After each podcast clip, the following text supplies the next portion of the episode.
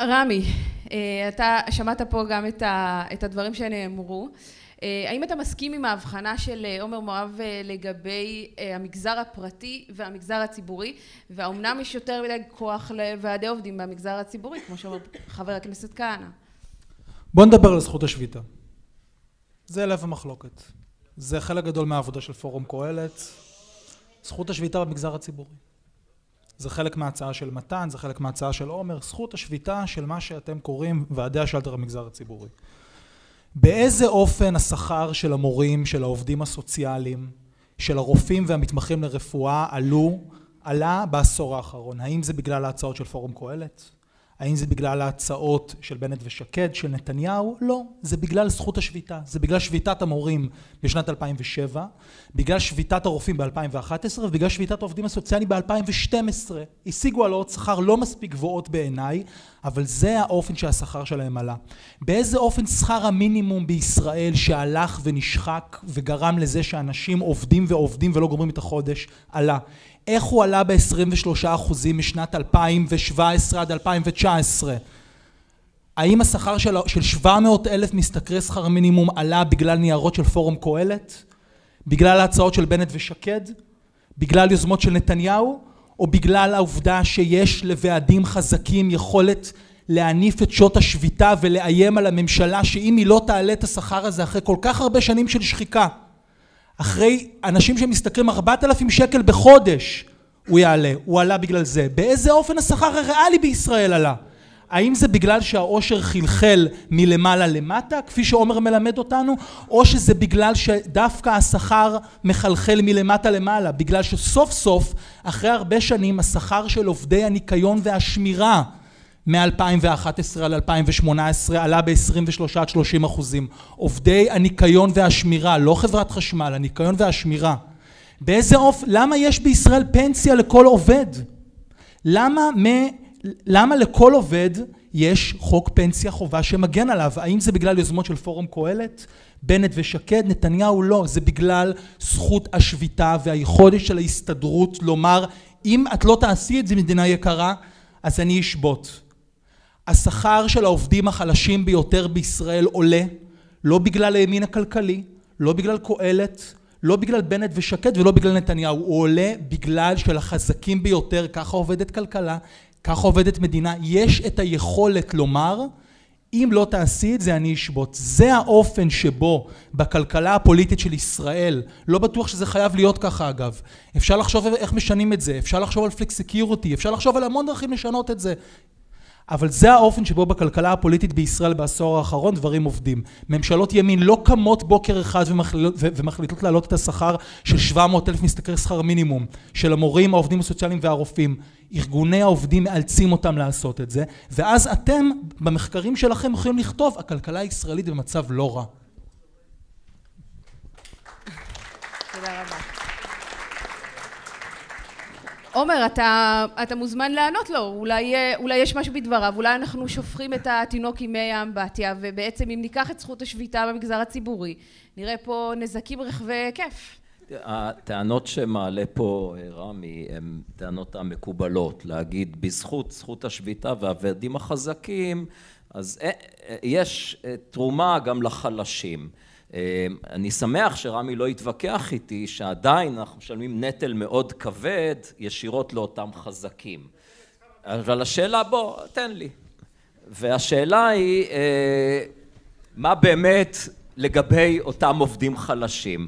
אז אני רוצה לטעון זה לא בזכות ארגוני העובדים פה זה שרמת החיים עלתה כולל של החלשים ביותר זה לא בזכות ארגוני העובדים אלא להפך זה בזכות זה שאין לנו פה כלכלה שנשלטת על ידי הגישה ההסתדרותית וארגוני העובדים אלא יש לנו בגדול כלכלה תחרותית כלכלה שרוב העובדים בה אינם מאוגדים. זה יצר צמיחה כלכלית ואת פירות הצמיחה הכלכלית האלו מהפירות האלו נהנים כולם להגיד שאלמלא הוועדים החזקים היה פה מצב יותר גרוע לחלשים אני בספק רב זאת שאלה מאוד תיאורטית הרי אנחנו חיים בעולם אחד לא בעולם אחר אבל הנה דוגמה יש לנו שני גופים קוראים להם צה"ל או בכלל מערכת הביטחון משטרה אין שם ארגוני עובדים, ובכל זאת השכר שם לא רע בכלל. איך זה יכול להיות? אז אפשר, יש שיטות אחרות. אה, שכר מינימום, פוליטיקאים גם אוהבים להעלות את שכר המינימום. באמת, מה שהיה בתקופה האחרונה, חמש שנים האחרונות, כחלון היה המינש הזה של ניסנקורן, ונתן להסתדרות המון קרדיט על דברים שהממשלה בעצם עשתה. אה, מה, מה פתאום ארגוני עובדים מתעסקים עם אה, קצבאות נכים? זה לא, זה מה הקשר בכלל? אז כן, אז יש איזה מין יכולת מצד אחד, בעיקר לסחוט למען עצמם, אבל פה ושם מין מס שפתיים כזה, אוקיי, אז נדאג גם לעובדי הקבלן. אני שואל שאלה אחרת, למה בכלל יש עובדי קבלן בישראל? כל התופעה של עובדי קבלן קיימת בגלל ארגוני העובדים. אחרת לא היו עובדי קבלן. איזה אינטרס יש לבעל, למעסיק, לשלם לעובד דרך קבלן שגוזר לעצמו קופון, האינטרס הוא ברור, בגלל להימנע מהיכולת של ההתארגנות ועוד כל מיני קשיים שהם בדיוק תוצאה של ארגוני העובדים האלו. בסופו של דבר, שמנסים, אז נגיד שיש דברים טובים שההסתדרות וארגוני העובדים עושים, נגיד. צריך בסוף, לס... אני לא, אני חושב שעל כל סעיף אני אתווכח. אבל בסוף אנחנו צריכים לעשות את המאזן הכולל, ולדעתי התמונה הכוללת היא כל כך ברורה. שוב, לא בגלל שעקרונית ארגוני העובדים הם מזיקים, אלא בגלל שארגוני העובדים בישראל הם מזיקים. פה התפתחה ולא יודע למה, אבל התפתחה פה שיטה מאוד מאוד שונה מאשר במדינות המפותחות, הסוציאל דמוקרטיות, ועושים פה נזק אדיר לציבור, ובאמת, אפילו בתוך ארגוני העובדים, כלומר זה שיא השיאים, שבתוך ארגוני העובדים הוותיקים דופקים את החדשים. דור א' דופק את דור ב' ודור ב' את דור ג', וכשהממשלה רוצה לעשות רפורמה, היא בעיקר משחדת את דור א', שיסכים לדפוק את דור ג'. כולם עושים יד אחת, ורואים את זה בכל מקום, שארגון העובדים עושה יד אחת עם ההנהלה, דווקא כן להעסיק עובדי קבלן, כי זה חוסך להם עלויות. אז אני, הטענות של רמי, אני לא יכול להוכיח שהן שגויות, כי אנחנו חיים בעולם במציאות אחת, לא במציאות האלטרנטיבית, אבל אני חושב שכשמנתחים את התמונה הכוללת, הטענות האלו לא מחזיקות מים, ובסך הכל ארגוני העובדים עושים פה נזק אדיר לציבור הרחב, במיוחד לחלשים ביותר. הערה אחת על התקשורת, אני לא מכיר את העבודה של חן, ואז אל תיקחי את זה אישית. אמ, אני חושב שאחת הבעיות החמורות בישראל מבחינת מדיניות כלכלית באופן כללי זה שפוליטיקאים רוצים להיות פופולריים ולכן הם עושים מהלכים שהציבור רוצה שהם יעשו. ורוב הציבור הוא לא בעל השכלה כלכלית רחבה הוא ניזון מהתקשורת התקשורת הכלכלית ודאי התקשורת הפופולרית והתקשורת בישראל מטעה את הציבור בצורה שיטתית ועקבית. תודה רבה. אה, אני תכף אתן לך להגיב על זה, אבל קודם רמי אני רוצה לשאול אותך, אתה נמצא בקרן ברל כצנלסון, אתם מדברים על צמצום פערים, על שוויון, על הגדלת השוויון אה, ומה שעומר אומר וגם מה שהנתונים מראים זה שיש אה, רק הגדלה של הפערים למשל בין העובדים המאוגדים לעובדים הלא מאוגדים בישראל וגם בתוך העולם הזה של עובדים מאוגדים אנחנו רואים שיש את ועדי השלטר כמו שקוראים להם הוועדים החזקים שמקבלים משכורות מאוד מאוד גבוהות ולעומתם עובדים מאוגדים שהם פחות חזקים מקבלים משכורות נמוכות. אם אתה מסתכל על המשכורות של המגזר הציבורי עולות בקצב הרבה יותר גבוה פי שתיים שכר מהשכר החציוני של כלל המשק.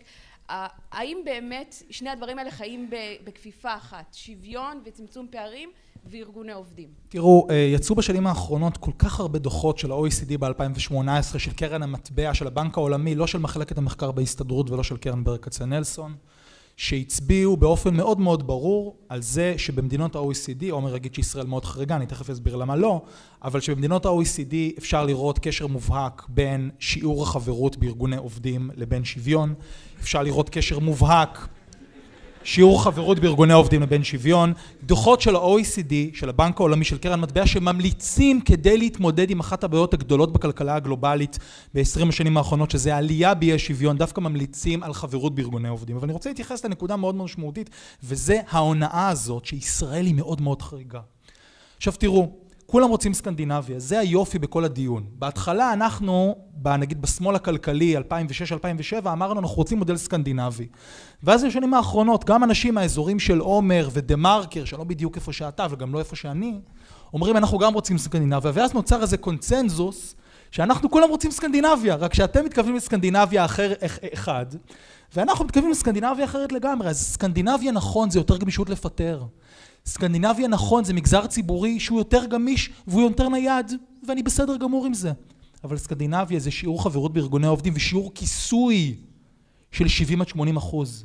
וסקנדינביה זה גם רשת ביטחון סוציאלי עבה מאוד ביחס לישראל. זה דמי אבטלה של שנה וחופשת לידה של שנה, וסקנדינביה זה הכשרה מקצועית. Long life training.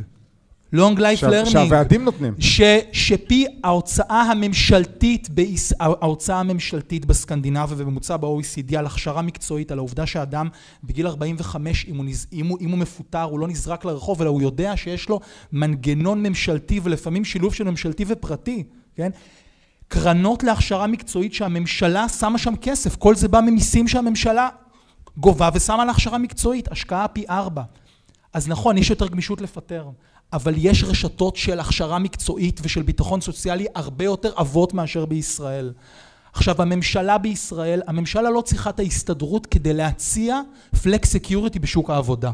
הממשלה לא צריכה את ההסתדרות כדי להגיד אנחנו מציעים לעובדים בישראל New Deal, הנה הצעה לחקיקה משותפת שלך ושל מישהו מהשמאל, New Deal בשוק העבודה.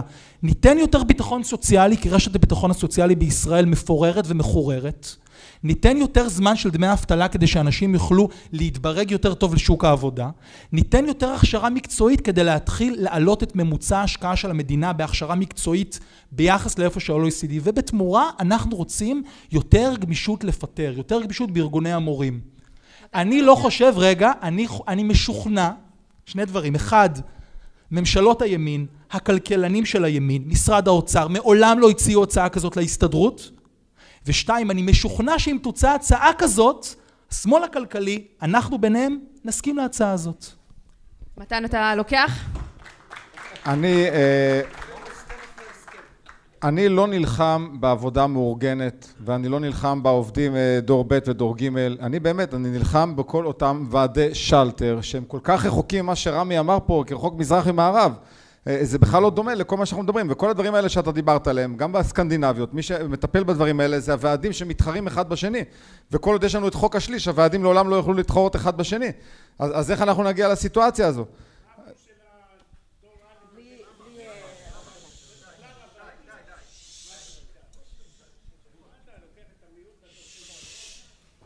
תשמע, אנשים באו להקשיב לפאנל, יכול להיות שאתה יותר מעניין, אבל בכל זאת הם באו להקשיב לפאנל.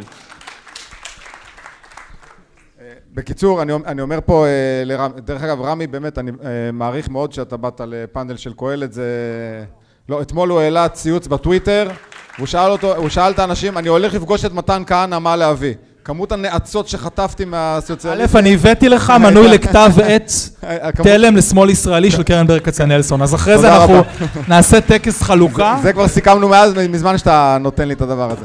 בקיצור, אני רק רוצה להגיד באמת, אני לא נלחם בעבודה המאורגנת, אני כן אבל נלחם, בוועדי השלטר כן כן החזיריים, כי הם, כמו שאמר פה עומר, הפרופסור עומר בחצי שעה של הרצאה, עומר זה בסדר, סליחה עומר, הם לא, הם לא עוזרים לעובדים, והכל, אני שמח שהפרופסור אמר את הדברים האלה של עובדי הקבלן, הרי אנחנו מדברים על עובדי קבלן, ומי שאשם בזה שיש עובדי קבלן זה ההסתדרות, אז אה, תבדקו כמה עובדי קבלן יש ברשת עמל, וכמה יש אה, במשען, בכל החברות של ההסתדרות, זה פשוט לא יאמן, ועוד לא התחלנו לדבר בכלל על כל הנכסים של ההסתדרות, רמי, שיש להם, על השקיפות של האוגדות העות'מאניות האלה, עם היותר, בין שלושת אלפים לארבעת אלפים, אני פשוט לא יודע, אני מחכה, אני רוצה להוציא לזה סרטון, אני מחכה לנתונים, יש בין שלושת אלפים לארבעת אלפים נכסים שחלקם מושכרים ברמה של שקל לשנה בסדר? אולם כדורסל בחיפה, על זה אני אוציא סרטון, מוזכר ברמה של שקל לשנה, שמי שמשלם עליו זה ההסתדרות את הארנונה. תקשיב, יש שם שחיתויות מטורפות, ככה אתה לא מגיע לעשות אה, ועדי עובדים שעוזרים לעובדים. אתה עושה ועדי עובדים שעוזרים לדור א', זה מה שיש. תודה רבה. ובכן, אה, עלה פה קודם הנושא של התקשורת וההצגה של התקשורת אה, שלפי עומר היא לא מדויקת ולדעתי גם לפי רמי היא לא, לא מציגה את הדברים אה, באופן מדויק אם הבנתי נכון מבין השורות. האם התקשורת עושה את עבודתה נאמנה? גם... חוזרת, חוזרת לטרמינולוגיה, סליחה, בסוף מורה לספרות נשארת מורה לספרות, אבל אני שוב כופרת בקונספט התקשורת, כלומר אולי זה היה איכשהו קצת נכון בימים של ערוץ אחד ועיתון אחד, זה בטח ובטח לא נכון להיום, אני חושבת שהקשר אה, בין המרקר לבין סבר פלוצקר בידיעות, בין כותבים מסוימים בכלכליסט לבין כותבים בגלובס, הוא, הוא ממש מקרי, כלומר אנחנו לשמחתנו כן נהנים מעידן של ריבוי קולות ויותר מזה אני מאוד מאוד שמחה שהשיחה הערה והחשובה שקורית ברשתות החברתיות הופכת ומתרגמת למאמרים אקדמיים שאני יכולה ליהנות מהם גם בתלם וגם בהשילוח, כלומר השיחה בעיניי נמצאת דווקא במקום בריא ונכון, אבל כמו תמיד כשאנחנו בטח ובטח חברי כנסת חוץ מהזמן שבו, שבו הם עושים סרטונים הם רוצים כן... כמה זמן אנחנו נבחרים. לא פשוט בכלל. אז בתקווה שחבר הכנסת כהנא לא יגיע לסבב ד' וכן יצטרך לעשות עבודה פרלמנטרית, בסוף כשהוא מגיע אליי כעיתונאית ומציע לי את הסיפור שלו כדי לקבל תמונת בול בעיתון, הדבר היחיד שמעניין אותי זה האם זה חדש, חשוב ומעניין. אני חושבת שהדרך היחידה שבה לא...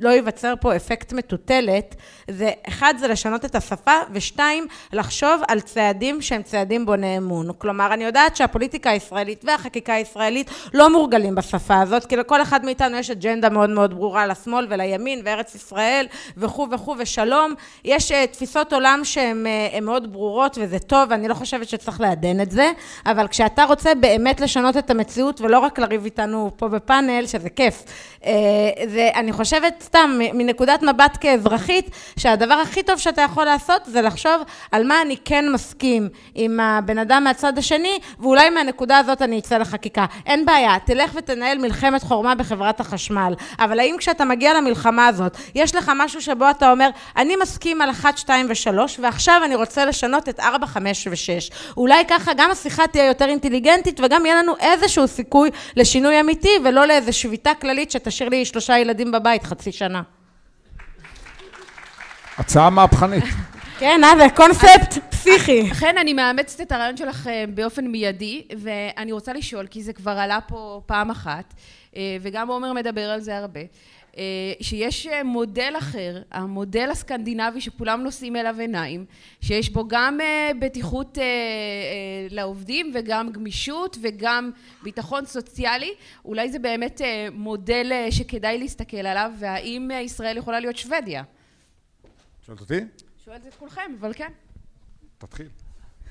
אוקיי, האמת שאני אנצל את ההזדמנות, מאחר ובאתי בהתנדבות, ללא תשלום, אני אעשה קצת פרסומת. יש לי בלוג,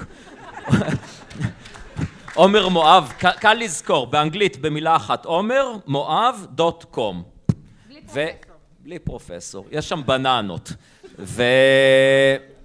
והסיבה שאני מציע לכם את הבלוג, כי יש שם המון דברים, כולל שני, לא, יותר, אבל קשור לשיחה שלנו, מאמר מצוין שכתבתי בכתב העת תכלת עם הדס גבאי, שמראה שזכות השביתה בישראל היא מופרזת בהשוואה למדינות המפותחות, בהמון סעיפים, שאנחנו באמת יוצאי דופן. ויש שם מאמר נוסף שכתבתי עם עופר לוי, ש... על מי צריך ביטחון תעסוקתי שמראה באמת את הנזקים האדירים של השילוב הזה של קביעות וזכות שביתה במגזר הציבורי בישראל ושם אני עוסק גם ב flexicurity, המודל הדני. מה שאני רוצה רק להגיד בהקשר הזה שבאמת מה שיש בדנמרק זה שמצד אחד אפשר לפטר עובדים גם במגזר הציבורי והם מבינים את החשיבות של גמישות בשוק התעסוקה. אי אפשר לקיים כלכלה מודרנית ושאנשים ייכנסו לשוק העבודה בגיל 25 או 30 ויישארו באותו מקום עבודה, באותו תפקיד עד יום מותם, שזה ברור לכולם. גם במגזר הציבורי צריך את הגמישות הזאת ולכן ברור לחלוטין שהשיטה שאנחנו נמצאים בה היא באמת שיטה דפוקה. עכשיו מה שאומר רמי, הוא אומר בסדר בוא נעשה עסקה, אנחנו נוותר על הקביעות ועל הכוח המופרז שלנו, הממשלה תיתן לנו רשת ביטחון. מה שאני רוצה להגיד זה שזה כאילו מציגים את זה, אוקיי היום העובדים נהנים מקביעות וזכות שביתה, בוא תנו לנו משהו אחר במקום, אבל זה לא נכון. היום 70 אחוז מהעובדים לא נהנים לא מזה ולא מזה, ואדרבה צריכים רק לממן את ההנאות שיש לעובדים החזקים. ולכן ההתניה של אחד בשני אולי בלית ברירה, כי באמת יש פה אקדח על השולחן ויש אנשים מאוד חזקים, אז אולי אפשר לנסות להגיע לעסקת חבילה. אגב, אני מאוד מאוד פסימי אם ההסתדרות תסכים לזה. ההסתדרות נשלטת על ידי הוועדים החזקים, להם אין שום אינטרס אה, לשנות את השיטה, אבל אני בעד שממשלת אה, ישראל תנסה. כן? עכשיו, והערה נכונה גם בעניין הזה, אמנם זה לא עלה כאן, אבל הרבה פעמים אומרים, תראו, בכלל אין שביתות בישראל. הכל בסדר, לא משתמשים בנשק השביתה. למה הדבר דומה? שבאיזה יישוב מאפיונר השתלט על כל החנויות וגובה דמי פרוטקשן, נכנס עם אקדח גדול לכל חנות וגובה כסף. יגידו לו, תשמע, זה מצב לא סביר, אנחנו רוצים את התערבות המשטרה. הוא יגיד, סליחה, לא יריתי אף פעם. האיום קיים. רגע, רגע, אני רוצה להגיד המאפיונרים משהו. האלה זה המורים, המאפיונרים לא, האלה אבל זה המורים זה הרופאים. הקורבנות. לא, לא, לא, המורים. הם. ברובם קורבנות של השיטה יש- הזאת, כדאי יש- לזכור את זה. אבל יש גבול גם, תראו, יש גבול כמה אפשר לומר עובדי המגזר הציבורי, עובדי, מי זה עובדי המגזר הציבורי? כמה אחוז מעובדי המגזר הציבורי זה עובדי חברת חשמל? אני אגיד לכם ככה, צריך לעשות הרבה שינויים בחברת חשמל. זה שיש למשל מעמד ביניים, זה, זה שלמשל יש מעמד ביניים באשדוד, חלק מזה זה בגלל שיש שם נמל. והרבה פעמים שרואים עובד נמל שמרוויח 25 ברוטו ו-13 נטו, אומרים לו, לא, איך עובד נמל? עכשיו, צריך לעשות שם שינויים, בוודאי, אין שאלה בכלל, כן? אבל הרבה פעמים זה גם שיח כל כך מיתמם. מה קרה? בתוך הדרוויניזם החברתי הזה אי אפשר שעובד נמל או עובד חברת חשמל ירוויח 13 נטו? זה שכר מזעזע? עכשיו זה רגע, לא שנייה. אני רוצה בהמשך לשאלה, לא, לא, חבר'ה, תראו, בואו, בואו, תראו, רמי אני- הוד הוא היוצא דופן כאן, שהסכים לבוא, חבר'ה. הסכים לבוא, בואו ניתן לו את הכבוד הראוי. בוא, בוא נמשיך על שיח מכבד. אה, עכשיו, שאלת על סקנדינביה, אז אני רוצה עוד פעם לומר את זה, כי, כי כל, הסט... כל פעם שיש לי עימות עם מישהו מהימין הכלכלי, האיש הימין הכלכלי אומר לי סקנדינביה. ואז אני הולך הביתה ומדבר עם דוקטור רמי וטורי, שיש לו דוקטורט בסקנדינביה, מכיר את סקנדינביה, אגב, לא מחסידי ההסתדרות, אוקיי? כן, מישהו שהקים את כוח לעובדים. ואני מסתכל ואומר, האם אתם מוכנים שיעור התאגדות ושיעור כיסוי של 70-80 אחוז? האם אתם מוכנים, האם אתם מוכנים דיל של מיסים שירותים שעליו כל מכוני המחקר הרי שקהלת למדו ממנו באמריקה, כל ההקמה שלהם וכל הפעילות שלהם נוסדה כדי לשבור את הדיל של מדינת הרווחה הסוציאל דמוקרטית שאמרה לבני אדם ניקח מכם יותר מיסים, זה לא נעים, ניתן לכם יותר שירותים חברתיים. זה, זה מה שקורה בסקנדינביה. אחוז מס גבוה יותר מאשר בישראל דרמטית, וחינוך חינם מגיל אפס. ושכר של עובדים, שוק חופשי, גם אני בעד, אני לא רוצה שהמדינה תייצר את זה. אני לא רוצה שהמדינה תייצר רכב, אני לא רוצה שהמדינה תנהל נעליים, אני רוצה שיהיה תחרות, אני רוצה גם שיהיו אנשים עשירים. אני רוצה, אני רוצה גם שיהיו אנשים מאוד עשירים, ואני רוצה שאדם יוכל להתעשר ולפתוח עסק ולהיות יזם, אבל, וזה אתם לא מוכנים, ולכן כל השיח הסקנדינבי הוא שיח של הונאה מוחלטת. אתם לא מוכנים למיסים יותר גבוהים ושירותים יותר גבוהים. אתם לא מוכנים לרשת ביטחון סוציאלי שיש בה דמי אבטלה של שנה וחופשת לידה של שנה. אתם לא מוכנים לרשתות הגנה. אתם לא מוכנים להכשרה מקצועית כי המדינה שמה יותר כסף. כל המודל הסקנדינבי מבוסס על זה שלצד, כן, סקטור עסקי תחרותי, לא מכיר סוציאל דמוקרט אחד שלא רוצה סקטור עסקי תחרותי, יש מדינה חזקה. ולכן אני אומר, אנחנו מוכנים מחר לעשות flex אנחנו מוכנים מחר לעשות מודל שבו יש ניו דיל חדש בשוק העבודה, בואו לא ניתמם, אתם לא רוצים את זה. רמי, רמי, אה, אנחנו לא מוכנים ליותר אה, מיסים ויותר שירותים, כי אני פשוט מאמין שכל דבר שהמדינה תעשה, היא תעשה הכי פחות טוב שאפשר. חבר'ה, זאת המצ... אה, רמי, אני אגיד לך מה, אני באמת מאמין לך, ואני חושב שכבר הכרנו אחד את השני בטוויטר מספיק זמן, כדי לדעת ששנינו מכוונים לטוב, ואני מאמין לך שאתה אדם טוב ואתה רוצה, אבל הכלכלה שאתה רוצה היא כלכלה של מלאכים, והכלכלה שלנו זה כלכלה שמותאמת לבני אדם, והכלכלה הזאת שהמדינה עושה טוב, זה כלכלה, היא לא, היא לא מתאימה, היא לא של בני אדם. עכשיו, עוד מילה אחת רגע. על הסיפור, אמרת שאין שביתות. אין שביתות, אבל אני גיליתי פטנט חדש, בטח אתה מכיר אותו יותר טוב ממני, קוראים לו התעצמות. התעצמות, מה זה התעצמות? עיצום... אה, לא, אה, לא, אה, היינו, ישבנו אצל הגברת במשרד האוצר, ואז היא אומרת לי, הם מתעצמים. מה זה מתעצמים? הם עושים עיצומים. עכשיו, אה, החוק היום לא מאפשר, אה, לא מאפשר להתווכח עם אנשים שעושים עיצומים, וזה למה? כי אומרים, אם בן אדם עכשיו אמור לעבוד שמונה שעות, והוא בא ועובד ביום מסוים ארבע שעות, הוא התעצם במשך ארבע שעות, אז עכשיו מורידים לו 50% מהשכר. אבל אם בן אדם בא, עובד כל היום מלא מלא מלא מלא, או העבודה שלי זה להזיז בקבוקים מכאן לשם, ובאתי באותו יום הזזתי בקבוקים לצד השני. עבדתי כל היום, אבל לא עשיתי מה שהבוס שלי רוצה, אי אפשר לפגוע בי. או למשל, בן אדם שעובד, עובד, עובד, עובד, עובד, אבל בסוף הוא לא חותם את החתימה על המסמך שהוא הכין כל היום. מבחינת המעסיק שלו הוא לא עשה כלום, זה לא שווה כל מה שהוא עשה. מבחינתו, תוריד לו שכר על העשר שניות שהוא לא חתם בהם. ולכן היום כל הסיפור הזה של עיצומים זה עוד דרך של הארגוני עובדים החזקים לפגוע בנו. עכשיו לגבי רגע המורים וכל הדברים האלה, דבר אחרון שאני רוצה להגיד, תראו, אני שאני הייתי מפקד טייסת בחיל האוויר, לי היה סל סל שאני הייתי יכול לחלק אותו לנגדים הטובים, אמרו לי קח עשרת אלפים שקל, תחליט אם אתה נותן את זה לנגד אחד, או שאתה מחלק את זה לעשרה נגדים לכל אחד אלף שקל. היה למפקד הבסיס שמעליי עוד סל כדי לחלק, וגם באש... והיום גם אפשר, יש תחנות יציאה. מי שבגיל 28 לא נהיה רב סרן, הולך הביתה, מי שבגיל 37 לא נהיה סגן אלוף, הולך הביתה. כי הבינו שאי אפשר, שזה לא יכול להיות, חייבים לדעת לתמרץ את הטובים וחייבים להגיד, להגיד לשפחות טובים ללכת הביתה וזה אולי הבעיה עם ארגוני המורים, שהיום עם המורים אתה לא יכול לעשות את זה.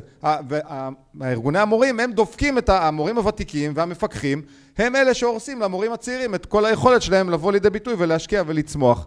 וזה, אני לא מטפל בזה כי אשתי לא מרשה לי. אז מה אתה מוכן לתת להם עכשיו?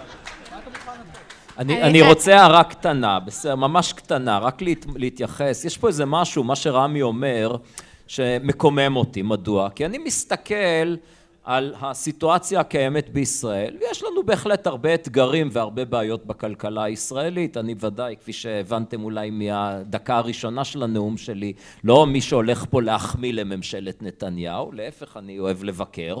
אה, יש הרבה אתגרים. ואפשר לעשות דברים נכונים לשפר את המצב. למשל, אם נקטין את הכוח של ארגוני העובדים החזקים, בלי לעשות שום דבר נוסף, המצב של כמעט כל הציבור בישראל, חוץ מאותם עובדים חזקים, יהיה יותר טוב.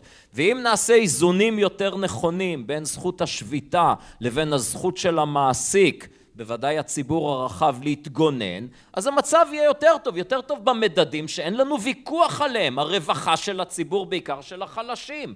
אז כל הטיעון הזה, לא, לא עושים שום דבר שמשפר, אלא אם כן אתה מוכן לקחת את כל המודל השוודי. לא רוצה לקחת את כל המודל השוודי, לא מתאים לי, אנחנו לא שוודים, אנחנו מאוד שונים מהשוודים, אני מוכן ללמוד מה שטוב ומתאים לי, אני מוכן ורוצה לטפל בבעיות ברורות שיש לנו כאן, שדורשות טיפול, של להקטין את הכוח של מי שעושק את הציבור ופוגע בחברה וברווחה בעיקר של החלשים, ואני לא צריך בשביל זה להיות, להיות שוודיה. אגב, מבחינת מיסוי, צריך לזכור שבשונה מהרטוריקה שהמיסוי בישראל נמוך, קודם כל הראה את זה מיכאל שראל, עובדה שכאחוז מהוצאה הממשלה, שעושים את התיקונים הנכונים, אנחנו לא מתחת הממוצע, אבל איפה אנחנו מעל הממוצע? במיסוי של העשירון העליון, אנחנו מתחת הממוצע במיסוי של העשירונים הנמוכים יותר. אתה רוצה להיות כמו שוודיה? אני בעד, אני בעשירון העליון. אני רק אה, רוצה להתייחס לדברים שלך. כשאמרת שאנחנו לא שוודיה, אז אני מאוד מסכימה, וגם אני לא חושבת שאנחנו רוצים להיות. לצורך העניין, לי אין שום עניין לקחת חופשת לידה של שנה, כי המשמעות זה מוות קליני לקריירה שלי אה, כרגע. אבל אה, אני רוצה לומר בפורום הזה, שאנחנו גם לא ארצות הברית. ולי נראה שהשיח הכלכלי הנוכחי, השמרני, הוא סוג של העתק הדבק מהחברה האמריקאית. ואני אה, חושבת ככה לא רק בתוכן, אלא אה, אה, גם בצורה וגם אה, בשגרירות. כלומר, מה אנחנו רוצים להיות? אנחנו רוצים, לצורך העניין, להיות רפובליקאים. החברה הישראלית, בדיוק כמו שהיא שונה באופן מהותי מהחברה השוודית, ולא רק בעיניים הכחולות ובשיער הבלונדיני, אלא במספר הילדים, בגיוון של האוכלוסייה וכולי, ככה היא שונה באופן מהותי מהחברה האמריקאית. אנחנו לא אמריקה, אני לא רוצה להיות אמריקה, אני חושבת שהדבר שהופך את החברה הישראלית לכל כך מצליחה, יוצא דופן ומשמעותי, משמעותית זה הסולידריות שבה. אני יודעת שהמילה סולידריות היום צבועה בהמון סוגים של צבעים שגורמים לאנשים לברוח ממנה כמו מאש. ואני רוצה להחזיר אותה לשולחן, להחזיר אותה לשולחן לא רק מהמקום הישראלי, אלא גם מהמקום היהודי. אבל לכן השאלה, ולהגיד... השאלה היא מי, מי צריך להיות סולידרי, המדינה או האזרחים? אז אני אגיד לך משהו. השאלה, אני רוצה אזרחים ואני, סולידריים. אתה ואני אנשים מאוד פריבילגיים. אתה יודע למה? כי לך יש כיפה ולי יש מטפחת. זה אומר שבאופן מובנה אנחנו חלק מקהילה. יש לי בית כנסת, יש לנו אחרי צהריים שיעור, יש לי שכנים שיודעים איפה הילדים שלי לומדים ומה אני צריכה. כשאני יולדת אני מקבלת שלושה שבועות ארוחות צהריים. רוב מדינת ישראל לא שוודיה. מאוגדת, ממש שוודים. מה? שנייה, רגע. לא, לא, זה לא מה שאני אומרת. אני אומרת שרוב החבר, החברה הישראלית לא מאוגדת בקהילות, אז אני לא חושבת שמדינת ישראל צריכה להכין ארוחות צהריים ליולדות. אני כן חושבת שצריך מאוד לחזק את הקהילות המקומיות, לא רק על בסיס אה, בתי כנסת וכולי, אלא על בסיסים אחרים ואת המנהיגות המקומית. אבל באותה נשימה אני אומרת שלבוא ולהגיד, הקהילה תדאג, ואהבת לרעך כמוך, יהיה איזה עמותה שתחלק אוכל, אני לא קונה את זה. כי בסוף המציאות מראה לנו שאימהות שמגדלות ילדים לבד, שאנשים קשישים, שאנשים שיש להם שלושה ילדים חולי אפילפסיה, אין להם את השכן הזה בדלת שידפוק. להם המדינה צריכה לדאוג. אני- אני לא- בקצה. רמי, אה, אולי באמת נע- נענה על זה. יש הרי היבטים תרבותיים כן, ודמוגרפיים, אני גם לא רוצה שוודיה. לא רוצה. ייחודיים לא, לא, לישראל. לא, אני גם לא רוצה... ולתת פה חופשת אה, לידה של שנה זה דבר מאוד מאוד יקר, לתת חינוך חינם מגיל אפס זה דבר מאוד מאוד יקר. אה, אולי, אולי באמת יש פה צורך לעשות התאמות מקומיות, גם אני- בנושא של ארגוני עובדים. תראה, אני, אני מאוד מאוד שמח על מה שמתן אמר מקודם. לא על אה, זה שהוא יעשה בעצם אה, שניים שלושה מנויים לכתב עת שלנו, זה נחמד. אבל, אה, אבל, לא, גם לי, לי, לי גם יש ל- לשילוח, זה בסדר. אלא על זה שאמרת שאתה לא מאמין שהמדינה יכולה לעשות משהו. עכשיו, לא שהמדינה לא יכולה לעשות משהו. המדינה- תעשה את זה הכי פחות טוב. ברור, עכשיו תראה, אני כל פעם נפעם מחדש מהשילוב הזה.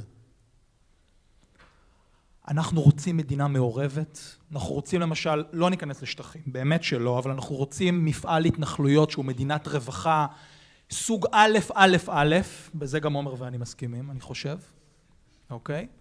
אבל אני רוצה מדינת רווחה בשטחים, אני ציוני, אני פטריוט, אני מאמין לך, אתה ציוני ופטריוט ישראלי, גם אני, אני מקרן ברל כצנלסון, אבל לא מאמין שהמדינה יכולה לתת חינוך טוב, בריאות טובה, רווחה טובה, ביטחון סוציאלי. זה עמדה לא קוהרנטית בצורה קיצונית. היכולת לומר, אני מאמין במדינת, אני, אני אגיד ככה, אני, אני שמאל ציוני, מאמין במדינת ישראל, חושב שהמדינה הזאת עשתה דברים מופלאים מעלייה, דרך שיכון, דרך המוביל הארצי, דרך להקים דברים שב, שב-70 שנה זה פלא שישראל עשתה את הדברים האלה. בעשורים הראשונים של המדינה, בלי כסף בקופה, בלי הייטק, בלי כל ההצלחות שלו, ישראל כמדינה עשתה דברים מפוארים, לא רק צבא חזק, אלא גם מערכות רווחה, בריאות, חינוך, ביטחון סוציאלי, דיור, הצמיחה מעמד ביניים חזק שהוא לא רק תוצר של המוח היהודי, יש מוח יהודי, יש כושר המצאה, אני שמח על זה, הוא גם תוצר של זה שהייתה שם מדינה. הייתה מדינה שנטעה את התשתיות האלה. להגיד אני לא מאמין שהמדינה יכולה לעשות את הדברים, אני מאמין שמדינת ישראל יכולה לתת חינוך איכותי מגיל אפס. הבת שלי נמצאת בחינוך חינם אבל מגיל אם- שלוש. אם- אם אנחנו מדברים רגע, אבל תרשי לי. הבת שלי נמצאת בחינוך חינם מגיל שלוש, הישג של המחאה החברתית, שכל הימין הכלכלי אמר, המדינה תיתן חינוך חינם מגיל שלוש, והנה גם מעמד הביניים שאני נמנה עליו, וגם המעמד הבינוני גבוה, לא שולח את הילדים לחינוך הפרטי מגיל שלוש, אלא מרגע שהמדינה נכנסה, בנתה גנים, לקחה אחריות, רוב מוחלט של מעמד הביניים והמעמד הבינוני גבוה שולח את הילדים שלו לגנים שהמדינה הקימה. אז כן, לא הכל צריך להיות אצל המדינה, אני לא רוצה שהמדינה תייצר את זה, אבל, אבל מדינת ישראל, לעומת מה שמתן אמר, יכולה לתת חינוך טוב, בריאות טובה, רווחה טובה, וזה כמעט, כמעט, כמעט, כמעט בעיניי כפירה באתוס הציוני הבסיסי, שאנחנו כן חלק ממנו, לומר שישראל כמדינה לא יכולה לעשות את הדברים האלה. לא, רמי, אני, אני רוצה לה, להמשיך, אה, לשאול שם. שאלת אה, פולו-אפ. אם אנחנו מדברים על חינוך, ופתחנו את הנושא של חינוך, ארגוני המורים הם אולי אה, לא מושמצים כמו ההסתדרות, אבל הם חזקים אה, כמעט באותה מידה, חלקם אפילו ותיקים מההסתדרות. כן. ואם אם אפשר להגיד משהו על מערכת החינוך הישראלית, זה לא שהיא טובה. היא אולי חינם. אני לא יודע. אבל בהשוואות בינלאומיות... תראו. היא לא, לא מקבלת הישגים, וגם דוחות אה, בינלאומיים וגם דוחות מקומיים שמים את הנטל על איכות ההוראה, אה, שבעיקר נשלטת על ידי ארגוני המורים, אז אולי באמת יש פה בעיה שקשורה לנושא הזה. אני מסכים עם דברים שחן כתבה בעבר בנושא, אני כן מכיר את הכתיבה של חן. אה, אני חושב שההסכמים הקיבוציים הבאים של המורים בישראל צריכים לתת הרבה יותר למורים הצעירים. האוכלוסייה שצריך לתעדף אותה באופן מאוד משמעותי זה המורים הצעירים בישראל. ארגוני המורים לצערי, לצד דברים טובים כמו העלאת שכר, כמו חתימה של הסכמים טובים, גם עם גדעון סער כשר חינוך וגם עם יולי תמיר כשרת חינוך, צריכים לעשות עבודה יותר טובה בלדאוג לעובדים הצעירים שלהם. אגב, אותה עבודה טובה נעשתה בהסתדרות משנת 2008, מה שלא אמרתי כאן, מה שאתם בוודאי יודעים, הרי אם המצב היה טוב, אם, לא, אם, אם כל הסיפור היה ועדים של המגזר הציבורי, לא היה את הגל המדהים הזה. אתם יודעים שישראל היא המדינה היחידה בעולם המערבי, מלבד בלגיה, אם אני לא טועה, שיש בה תנועת עבודה גדלה, 250 אלף עובדים התאגדו בישראל משנת 2008. אחרי שנים של נסיגה באחוז העובדים המאוגדים בישראל, יש עלייה דרמטית, זה לא ועדי השלטר מתן. זה עובדים שחיו תחת משטר ניאו-ליברלי ימני, עם שכר נשחק, עם שכר נשחק, עם שכר נשחק, בלי ביטחון סוציאלי טוב, בלי ביטחון סוציאלי טוב, ועדיין 250 אלף עובדים בחרו להתאגד. עכשיו, ההסתדרות עשתה את השינוי הזה, כן? אני עבדתי בכוח לעובדים פעם, עבדתי שם שש שנים, הגדנו מלא עובדים חלשים. ההסתדרות בשנת 2010 הקימה את האגף להתאגדות עובדים, התחילה לאגד מאות אלפי עובדים שלא היו מאוגדים לפני. ארגוני המורים צריכים גם לעשות את השינוי הזה. לא רק להסתכל פנים על המורים החזקים, גם לפנות למורים הצעירים, ולכן אני אומר, אחד האתגרים הגדולים של מערכת החינוך, זה לגרום לזה שמורים צעירים יישארו במערכת. חלק מזה טמון בכך שהם צריכים להרוויח יותר, חלק מזה טמון בזה שלמנהלים ולמורים צריכה להיות יותר אוטונומיה. לא אוטונומיה במובן, אני רואה פה את אורי, זה לא במובן שאתם מתכוונים אליו בפורום קהלת, הפרטה, אלא אוטונומיה במובן שאני רוצה שמנהל ומורה יוכל ללמד בלי שוט המדידה והערכה והסטנדרטיזציה והפיקוח שמונף על הצוואר שלו כל היום. אני רוצה שאם אם, אם, אם לבת שלי יש גננת מצוינת, יש לה אחלה גננת לבת שלי, אני רוצה שהיא תוכל לעשות מה שהיא רוצה בלי שכל הזמן ישבו עליה כאן. אז כן, צריכים שכר יותר גבוה למורים הצעירים במערכת, בזה אולי אנחנו מסכימים. איך לעשות את זה, זה כבר שאלה אחרת. כן, אה, חן אולי... אני אה, רק אגיד מילה אחת אה, בהקשר של המחאה החברתית. אז הבכורה שלי עדיין לא הייתה בשלב הרלוונטי, ואני ממש זוכרת את השיחה הציבורית שהכל אבוד, ואז זה התחיל. ובשנה הראשונה זה עבד רע. ילדים לא גמולים הגיעו לגני ילדים, הייתה שם סייעת אחת, הגננות קרסו, הם רצו, שאלו את נפשן למות. זה היה קשה מאוד להיות עם ילדים בני שלוש בכזאת כמות, כשיש גננת וסייעת. ואז הגיע השר נפתלי בנט, והוסיף סייעת לגני הילדים, מתוך הבנה שזה הדבר הציבורי הנכון לעשות. וככה מדינת ישראל יכולה לתת לילד שלי שהיום, אה, המספר שתיים שלי שנמצא בגן של גיל שלוש, לתת לו הוראה איכותית. והוא מקבל את ההוראה האיכותית ביותר. כלומר, גם אם אני הייתי, עזבי את זה שזה חסך לי שלושת אלפים שקל בחודש. אני, אה, מעבר לזה, גם אם היה לי את הכסף הזה, אני לא הייתי רוצה לשלוח אותו למסגרת פרטית. ועוד מילה לגבי המורים. אני באמת חושבת שברגע שאני לא אוהבת את ההסתדרות, סבבה? זה כאילו כשיושבים בכזה פאנל, אני חייבת להיות פרקליט השטן, כי זה לשבת במעוז הימין הכלכלי. אבל ההסתדרות היא לא כוס התה שלי. אני חושבת שכשתהיה לנו תחרות בין ארגוני העובדים, אם ניקח, יהיה לנו יותר קל גם אה, לתת מענה נכון לכל עובד ועובד בצרכים השונים, וגם לנטרל את אפקט הכוח הלא פרופורציונלי.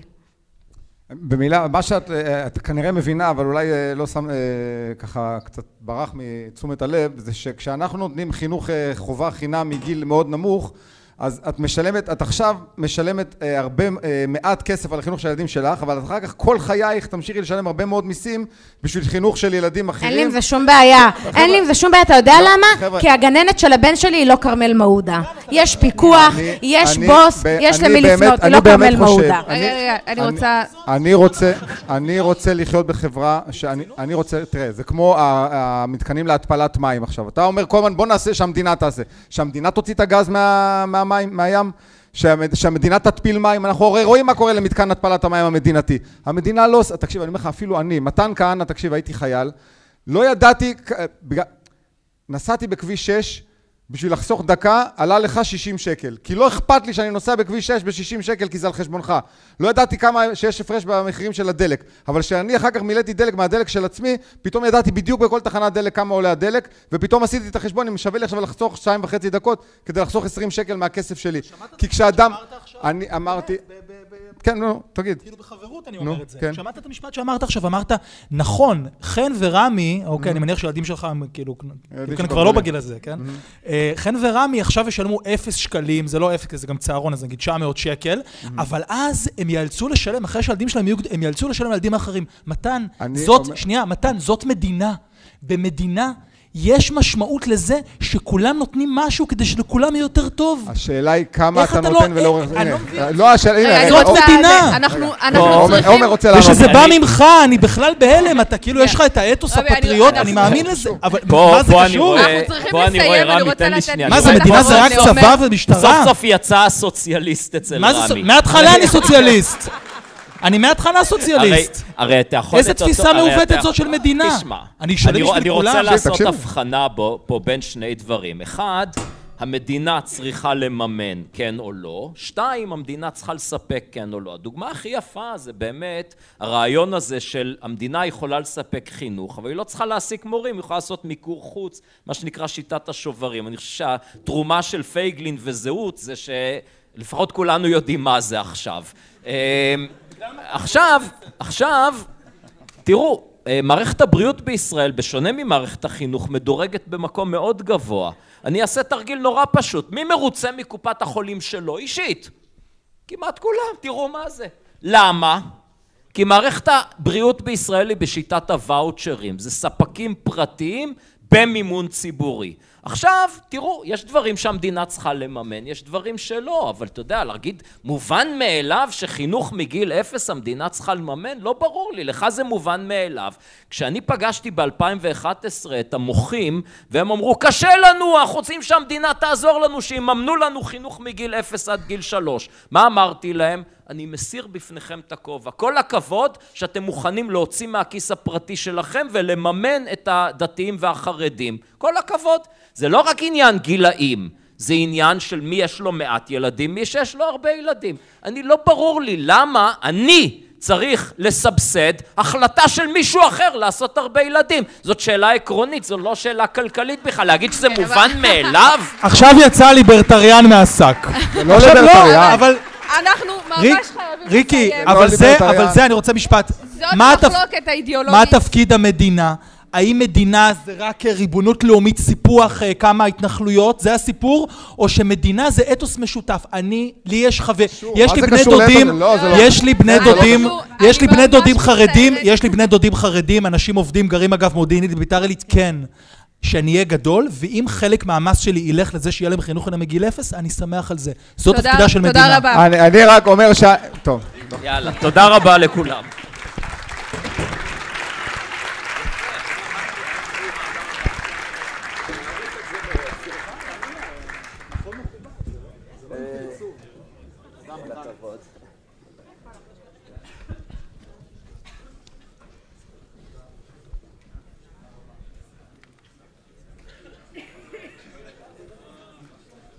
טוב, תודה רבה למשתתפים שלנו, אני חושב שזה היה פאנל מאוד uh, מעניין ויצרי גם.